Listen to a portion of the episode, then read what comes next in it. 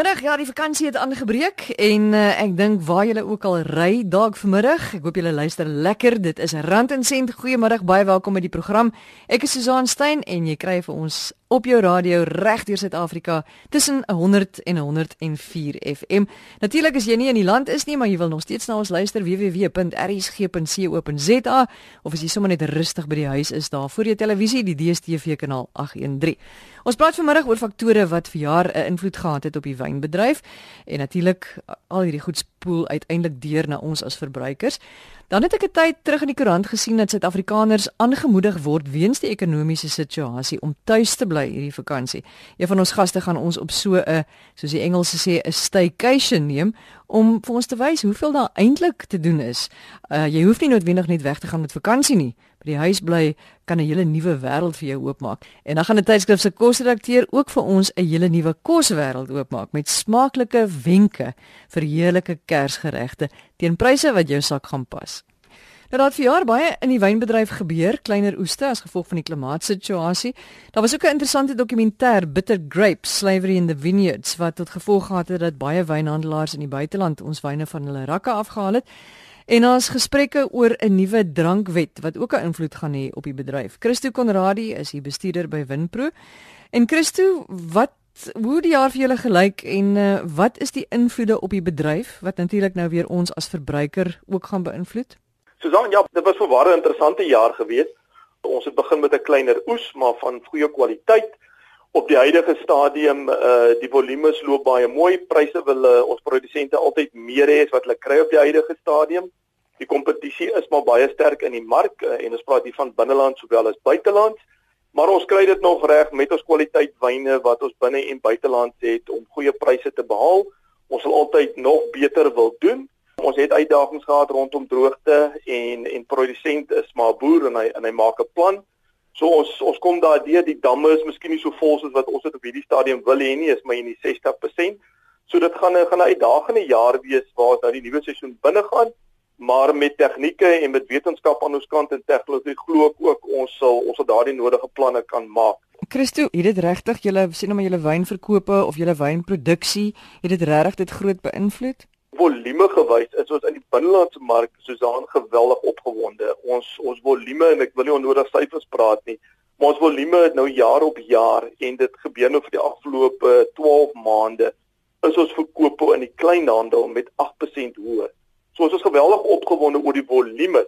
Ons uitdaging is dat die pryse lig miskien nie in dieselfde mate dat ons die produksiekoste op plaasvlak daarmee kan dien. Jy weet jou produksiekoste is in die landbou is heelwat hoër as normale inflasie as ons praat van 6 of 7%. Die jongste jare is ons hier by 10%. So ons koste, die knyptang is maar daar, die volume doen goed, maar ons volgende uitdaging is om uh, om waarde te ontsluit. En ek dink tog, die die wynbedryf is werklik kreatief in dit wat hy vir die vir die mark aanbied. Christian, dan was daar die dokumentêr wat vroeër uitgesaai is oor see Bitter Grapes, Slavery in the Vineyards. Watter invloed het dit op die bedryf gehad vir julle en ook die werkers? Ek kan eerlikwaar vir jou sê Susan, die die laaste maand was miskien nou nie 'n maand wat ons graag sou wil oor hê in terme van navraag wat ons spesifiek uit die buiteland uitgekry het rondom die die video wat vervaardig is nie. Daar is wyd in al die media berig, daar is radiopraatjies gedoen, daar is insette gelewer. En ek dink op die huidige stadium moet ons effe seker hê die die bedryf hou gevat daardeur. Ons het internasionale audit maatskappye gekry om hierdie plase te besoek en en ons wag juis wat ons glo die departement van arbeid ook 'n ondersoek gaan doen en wat hulle ook kom kyk presies hoe gaan dit op plaasvlak ja dit is dit is iets waarmee ons moet rekening hou maar ek moet sê die handelsmerk en die handelsmerk eienaars het werklik vinnig gereageer en uh, hulle het met die buiteland gaan gesels. Ons het ook gewys wat doen ons rondom opleiding ontwikkeling transformasie in die bedryf en ons praat ook met arbeid ons praat ook met die vakbonde En ek is glo ons is op 'n punt wat ons wat ons werklik daar is om te sê, weet jy, regering en arbeid en industrie moet hande vat. En ons wil nie noodwendig in die media daar rondom beklei nie, maar as dit nodig is, sal ons ook daai stap neem. Maar ons is besig met 'n indiepte ondersoek rondom al hierdie aantuigings wat gedoen is. Maar ek is gemaklik Susan, ons produsente en dit wat hulle doen is werklik gemaklik en hulle is werklik begeerig om eties moreel te handel op plaasvlak in hulle praktyke en ons wil voortgaan met dit wat ons op 'n daaglikse basis dan op plaasvlak doen of op kellervlak natuurlik ook. Christian, dan is daar al die gesprekke rondom die wysiging aan die drankwet. Dit hou julle seker ook besig. Ek dink dis ook iets wat wat nou al ek wil amper sê 'n jaar aankom net vir die luisteraars om te sê vir hierdie jaar Augustus maand het uh, die wynbedryf saam met ook van die ander industrieë in in die drankbedryf ons voorstelle ingedien. Uh, en kom ek noem die 3 of 4 goed wat ons buit gesien het in die media en ek glo die luisteraars het dit ook gesien waar die departement van handel en nywerheid gesê het, weet jy, ons is ongemaklik oor die manier hoe drank in die algemeen vervaardig en versprei word. Ons glo hier gebeur nog steeds baie misbruik en onwettige aktiwiteite.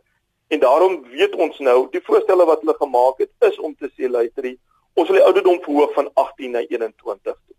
Ons moet gaan kyk dat enige plek wat drank verkoop, of dit 'n winkel of 'n kleinhandelaar of selfs dan nou 'n kroeg is, is om te sê hy mag nie binne 500 meter van skole, kerke, plekke van aanbidding en openbare, wil ek sê waar waar gemeenskappe bymekaar kom, uh, opgerig word nie. En televisieuitsendings rondom advertensies moet na 10 in die aand wees en en dan die latere 6 in die oggend. En en ons is van mening dat dis nie die probleem nie.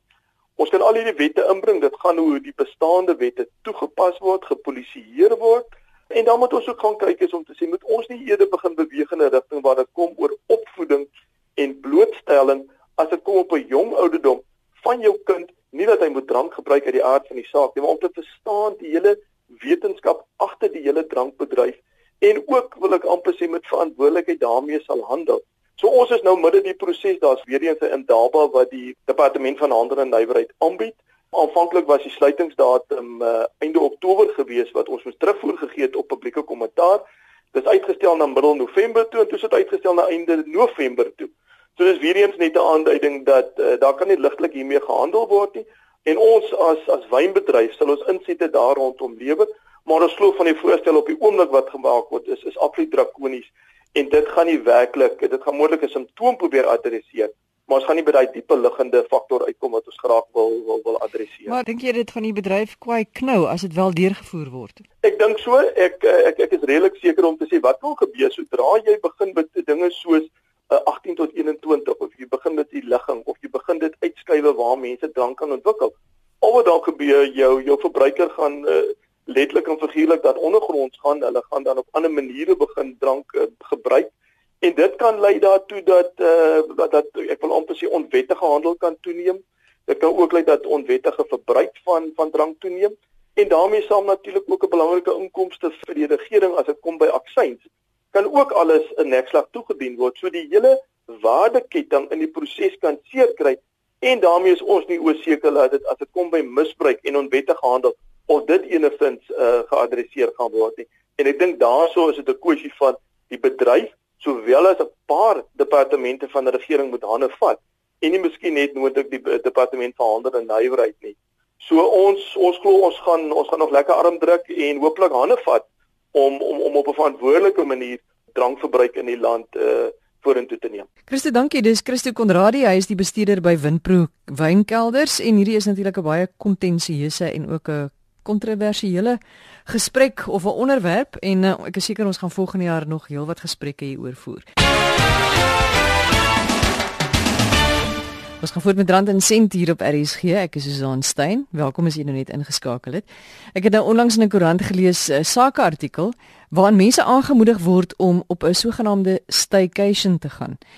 Dit is nou om by die huis te bly en by die huis vakansie te hou want nie net is dit goed vir jou eie sak nie, maar dit is ook goed dat jy jou eie omgewing ehm um, moet ondersteun en daar geleenthede help skep om die ekonomie in jou eie omgewing aan die gang te hou.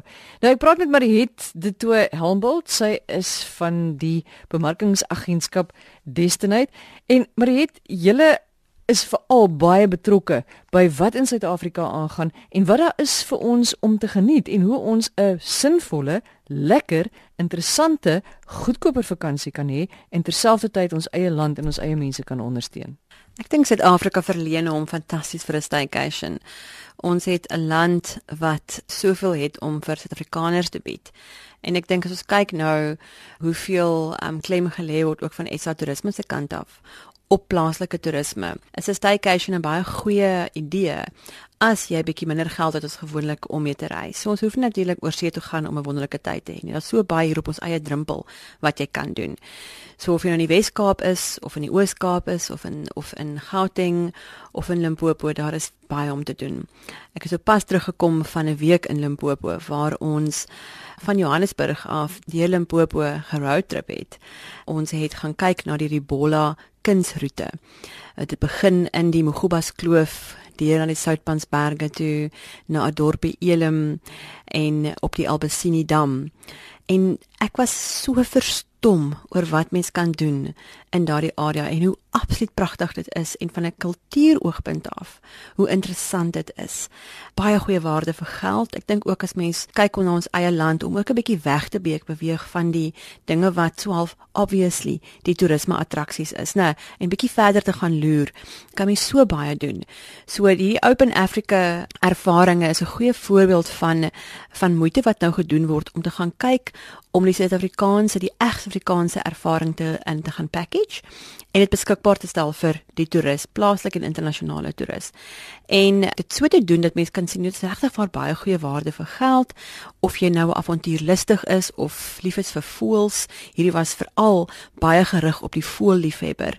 Ons het gaan gaan voëls kyk by Karisa Moya in die Mogubas Kloof en David wat die voelgids is daar is Suid-Afrika se top voelgids en hy het groot geword in daardie area en hy het 'n ongelooflike kennis. So ons het gesien die Nerina Trogans en die Nysna Bosluries en die Kaalwang valk en ag soveel ongelooflike voels wat so tipe van lifers is vir baie mense toe het ons ons af na Shilovari Lodge um, op die Albesini dam en daar het ons die African skimmer gesien. En die African skimmer kom net, dis hy's verdelikste suidelik waar hy voorkom. Anders is Botswana en die res van Afrika.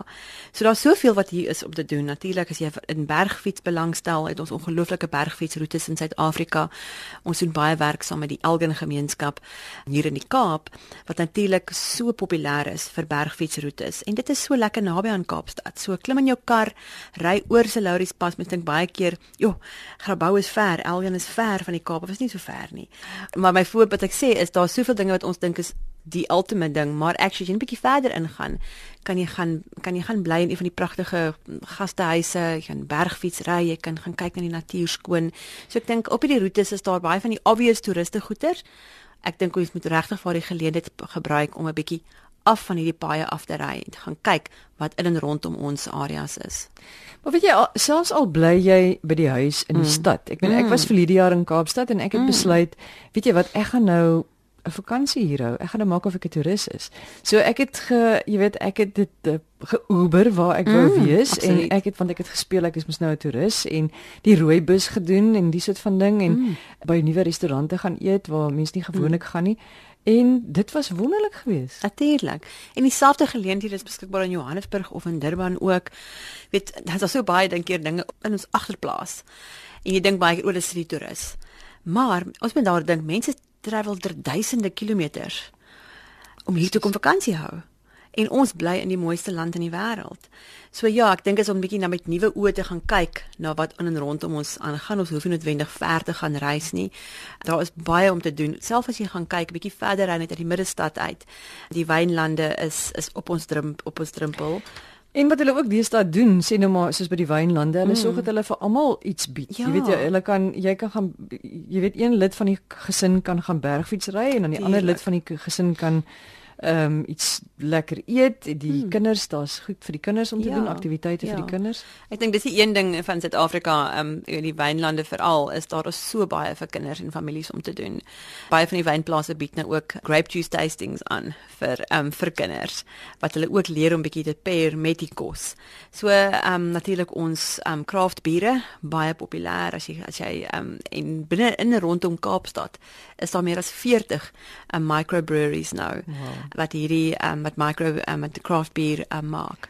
En dis natuurlik 'n gedagte vir mense wat entrepreneurs dink, mm. nê, nee? om uh, om self te dink hoe hulle miskien teen volgende jaar Desember ook iets kan bied waarmee ja. hulle geld kan verdien. Ja. En wat 'n gaping in die mark vul. Ja, ek dink daar's 'n groot gaping in die mark vir um, vir meer unieke ervarings wat reg Suid-Afrikaans is. Ek dink veral rondom ons kosbedryf.